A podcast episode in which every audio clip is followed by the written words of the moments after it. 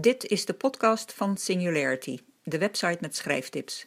www.singularity.nl Deze aflevering gaat over conflict. En wel innerlijk conflict. Heb je er wel eens bij stilgestaan dat een verhaal bestaat bij de gratie van narigheid voor de personages? Zonder gevecht tegen innerlijke of real-life hindernissen, geen spanning en geen meevoelen door lezers die zich identificeren met de worstelende protagonist.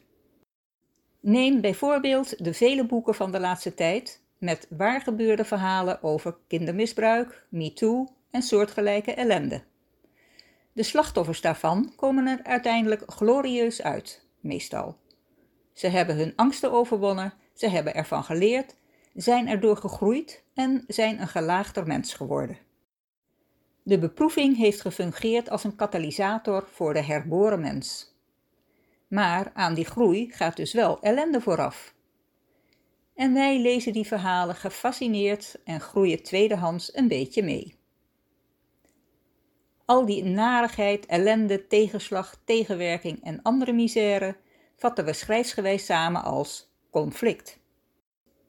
Conflict moet er wel toe doen, wat ook het obstakel is dat op het pad van je hoofdpersonage ligt, het moet wel relevant zijn. Het moet duidelijk zijn, serieus en dringend. Je lezer moet voelen dat het een levensgroot ernstig probleem is voor je personage. Zo creëer je betrokkenheid bij je lezer. Maar ook al is het probleem dringend, je personage kan het wel proberen te ontkennen. Zeker bij innerlijk conflict is dat vaak het geval. Negeer het, dan gaat het misschien weg. Maar hoe langer ze dat probeert, hoe ernstiger de toestand wordt. Tot de dijk doorbreekt en ze wel gedwongen is actie te ondernemen. Nou we het toch over innerlijk conflict hebben, welke vormen kunnen die aannemen? Ik noem er drie.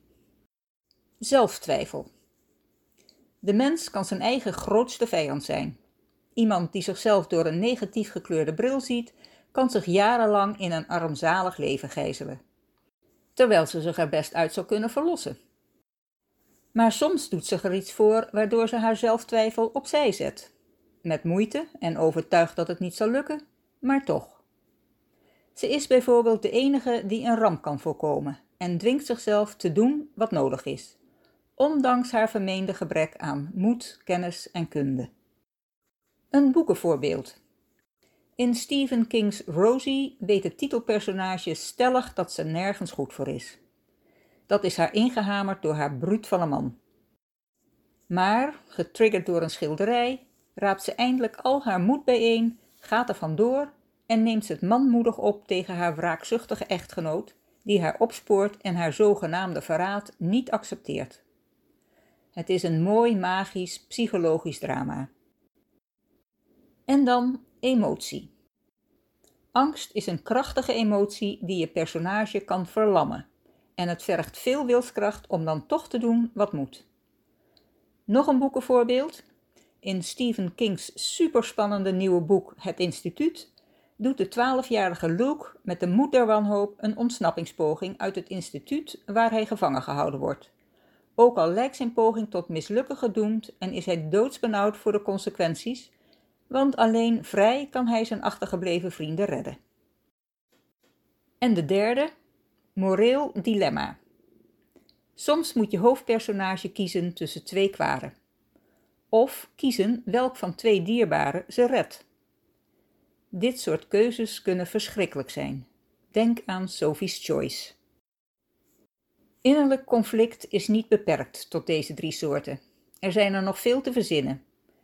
Denk bijvoorbeeld aan een fobie die je personage moet overwinnen, vastgeroeste overtuigingen die ze moet laten varen, of het overwinnen van het imposter-syndroom. En hiermee ben ik aan het einde van deze aflevering gekomen.